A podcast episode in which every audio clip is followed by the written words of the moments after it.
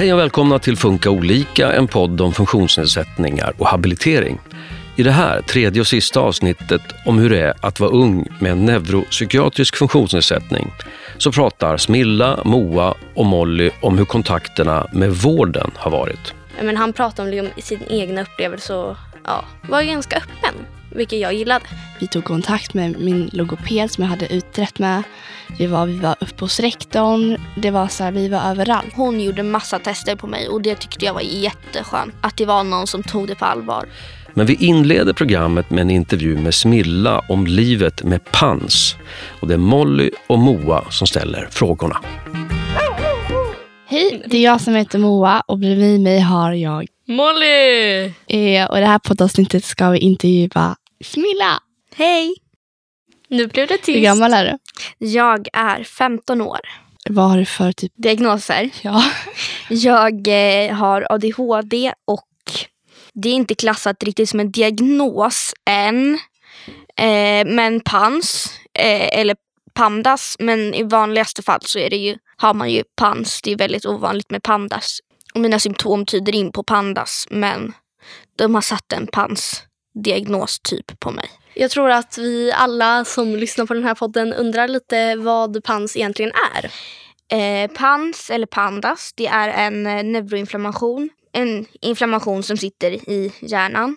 Eh, så det är en autoimmun sjukdom som triggas av eh, streptokockinfektioner, eh, mykoplasma, väldigt många olika slags infektioner. Och eh, PANS är en, eh, kan ge symptom som eh, OCD, tics, tvångssyndrom, typ. Eh, aggressivitet, vissa blir väldigt aggressiva och så det är en jätte, jätteskum diagnos. Men det är en inflammation som sitter i hjärnan och kan orsaka väldigt jobbiga psykiska besvär. Hur märker du av din pans i vardagen? Alltså, jag blir jättelätt sjuk. Så fort jag blir sjuk så ger det mig jättebesvärliga symptom. Jag eh, tixar extremt mycket, vilket betyder att jag, har, jag får tvångstankar. Jag får jättemycket ångest, jag självskadar, jag äh, kan höra röster. Det märks jättemycket i min vardag. För att jag kan inte göra någonting. Jag märker så fort jag får en liten... Alltså jag kan få ett skrapsår och det blir som en infektion i min kropp. Hur gammal var du när du fick din diagnos? Jag eh, var 13 när jag fick min ADHD-diagnos. Och jag, ville, alltså jag tryckte verkligen på att få göra en utredning och jag visste hela tiden att jag har ADHD. Och sen när jag väl fick det på papper var det jätteskönt. Och eh, PANS fick jag börja behandlas för i våras. Så jag har väl vetat att jag haft det i ett halvår ungefär nu. Men blev du typ så här ledsen när du fick reda på att du hade PANS? Till en början så, jag har en Asperger-diagnos som jag fick i januari 2017. I början var jag jättesur för att jag hade, de sa att jag hade PANS. För jag tänkte att jag har Asperger, det är inget annat. Så jag vart på något sätt glad och tänkte att det här kan man behandla på något sätt. Men läkarna vet vad de säger och de kan, psykiatrerna, de kan diagnostisera och de har diagnostiserat rätt. Eh, har du några kompisar som du så känner dig trygg med? Jag har inte jättemycket kompisar. Jag har några på nätet men det är inte jättemånga från tidigare skolor och sådär. Men eh, jag har en jättetrevlig tjej som också har pandas och som är 15 år. Så precis som mig jag tycker att det är jätteskönt att kunna ha kontakt med någon annan som har samma besvär som mig och som har samma sjukdom. Men för övrigt så är de flesta av mina nära kompisar min morfar och min eh, mamma. Det är mina närmaste vänner. Det låter jättekonstigt. Men du går inte så mycket i skolan, visst gör du inte det? Jag går inte i skolan just nu. Dels för att min pans har gjort att jag, eh, jag ser vad det står på papper men jag har jättesvårt att bygga orden. Jag måste ljuda. Det är ungefär som att försöka lära sig att läsa igen.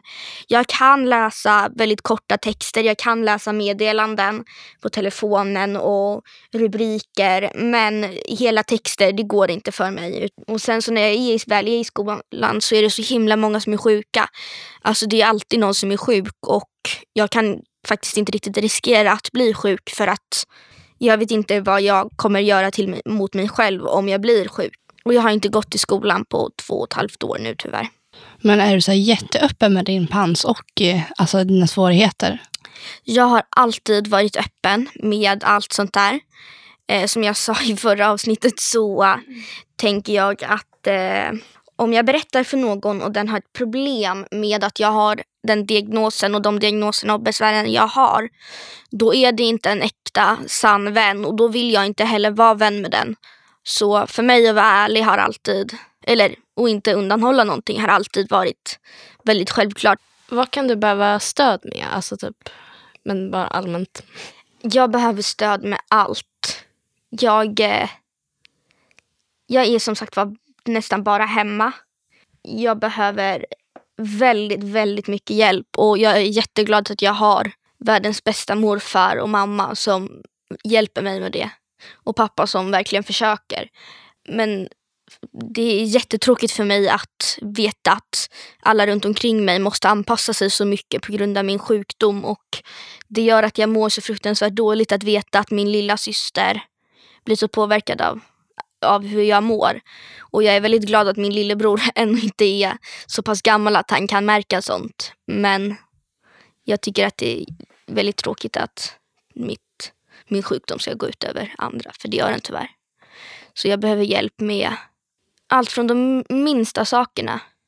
Jag bryter ihop hela tiden. Jag, jag kan inte vara hemma själv. Jag, jag behöver någon konstant med mig för att se till att jag inte gör någonting dumt. Men tror du du typ kommer bli starkare av det här, alltså i just framtiden, att du blir starkare av det här?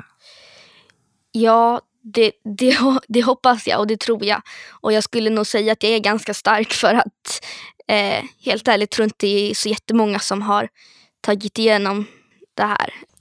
Hur vill du att folk ska reagera när du berättar om ja, dina diagnoser då? Jag vill inte att folk ska tycka synd om mig på det sättet. Alltså, nej, jag vill inte att folk ska tycka synd om mig.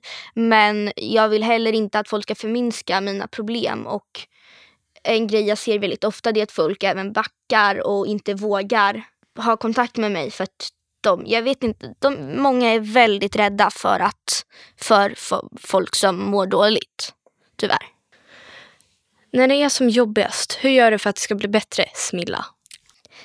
Jag brukar faktiskt välja att sova mig igenom det jobbiga. Eh, men det hjälper väldigt mycket också att ha djur runt mig. Så jag brukar söka mig till katterna, mina katter, eh, väldigt mycket. Jag tänker på en grej, att när du har dina katter, gör de så att du känner dig alltså, typ bra och trygg typ, med dem?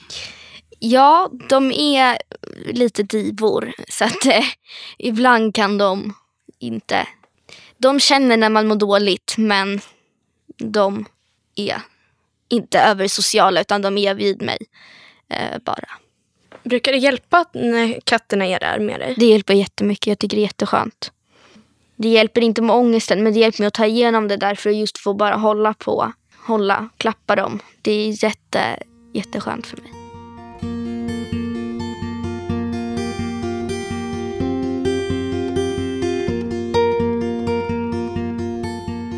Träffar du många läkare alltså, just med dina diagnoser du har?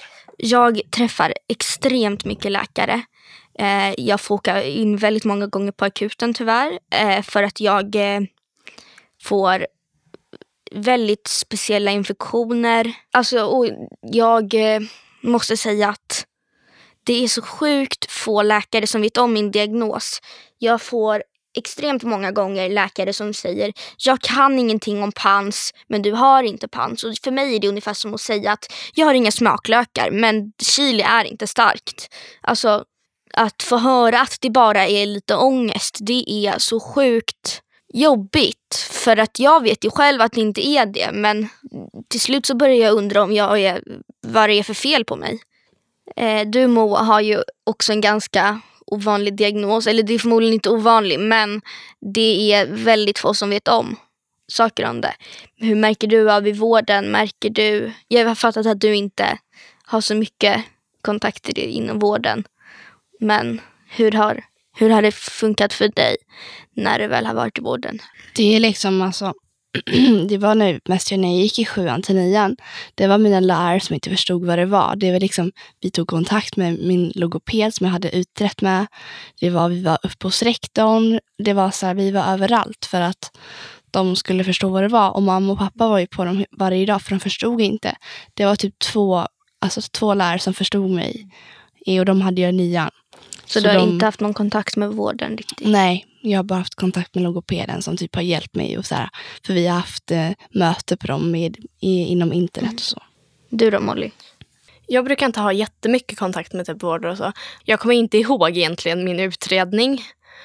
För jag var Åh, vad så glad och inte, att du inte kommer ihåg det. Det var liksom, det men jag kommer ihåg att jag satt där vid någon dator och så skulle jag typ trycka på mellanslag. Oh God, det är det alla bokstäver förutom ah. typ X eller Z var det. Alltså jag, jag kommer ihåg jag satt där bara. Alltså jag bara satt där bara tryck, tryck, tryck. Alltså jag tryckte på alla för att jag orkade inte. Jag är inte bra på sånt. Men sen, alltså Sen har jag bara gått på typ ADHD-koll, bara för att kolla liksom att jag inte typ dör av medicinen eller något. Sen gick jag till någon så här, eh, dator, tror jag det var. Eh, typ två gånger. Sen har jag aldrig mer tänkt på det. Men det var faktiskt, alltså det var väldigt bra att jag gick dit. För då, där fick jag reda på min andra diagnos. För att alltså, den visste jag inte att jag hade för att ingen hade sagt det till mig. Alltså jag fattar ju inte att, att mina föräldrar kanske inte sa det för att de ville skydda mig. Men borde inte typ någon läkare någon gång jag hade träffat sagt någonting om liksom min diagnos. Jag, alltså jag hade hört något om att jag hade typ dubbeldiagnos. Men jag fattar ju inte vad dubbeldiagnos var. Jag fattar ju inte att jag hade två diagnoser.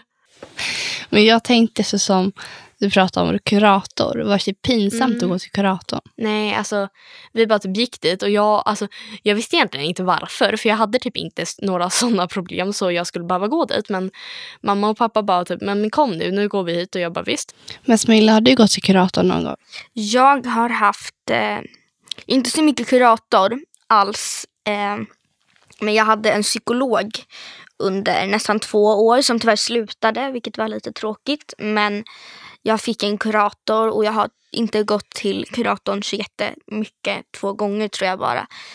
Så, men inom psykiatrin har jag haft jättemycket kontakt. Alltså, jag kommer ihåg så här, första läkaren jag gick till, alltså när jag skulle liksom göra utredning och allt sånt. Och jag gick till honom alltså under en ganska lång period. Han var jätteschysst och han pratade rätt så mycket men jag klarade det, eh, typ. Men han pratade om liksom, sin egna upplevelse och ja, var ganska öppen, vilket jag gillade. Just nu så har jag en så läkare som jag går på typ ADHD-koll till. jag har en rätt trevlig läkare. Jag går till samma läkare hela tiden för att jag tycker det är tryggare att ha samma person som man går till varje gång än att gå till typ 10 000 olika personer och inte lära känna en enda. Smilla, har du typ när du varit på vården, har du typ känt dig trygg när du varit hos dem? Jag har tyvärr inte kunnat känna mig riktigt trygg någonstans i och med att största delen av alla läkare behandlar mig extremt dåligt och det gör att jag eh, är väldigt frustrerad på alla läkare. Men jag har haft att det har varit bra men det, är, det sticker tyvärr inte ut lika mycket längre. Men det har varit när folk har, eller det har hänt en gång tror jag nästan bara. Eh, och det var i samband med att jag fick göra en lumbalpunktion för att mäta trycket i min hjärna. Då hade läkaren innan sagt åt mig att jag bara hade ångest. Eh, så jag var jättebesviken och så sa han att om vi, ni kommer tillbaka eh, imorgon och sen så om det inte är bättre så gör vi en lumbalpunktion. Och då bad vi om en annan läkare och fick en annan läkare och hon gjorde massa tester på mig och det tyckte jag var jätteskönt. Att det var någon som tog det på allvar.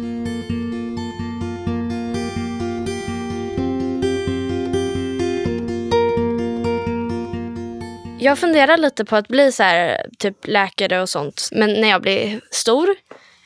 och alltså, jag tänker bara försöka att liksom, men se till att försöka ta folk på allvar och inte typ vara, nej men försöka lita på dem och eh, hoppas på att de litar på mig.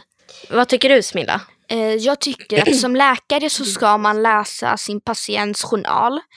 Det är, jag tycker det är väldigt viktigt att läsa igenom en patients journal just för att veta mer om bakgrunden. Så det tycker jag är jätteviktigt med journaler. Det skulle jag göra. Läsa på mer om varje patient. Vad säger du Moa? Alltså jag skulle verkligen typ så försöka få patienten att den litar på mig. Så att den känner sig trygg att den är med mig och att jag känner mig trygg med personen. Så att just att man läser igenom vad som har hänt innan och så tycker jag är ganska viktigt så man får en bakgrund om personen. Så det är väl det också.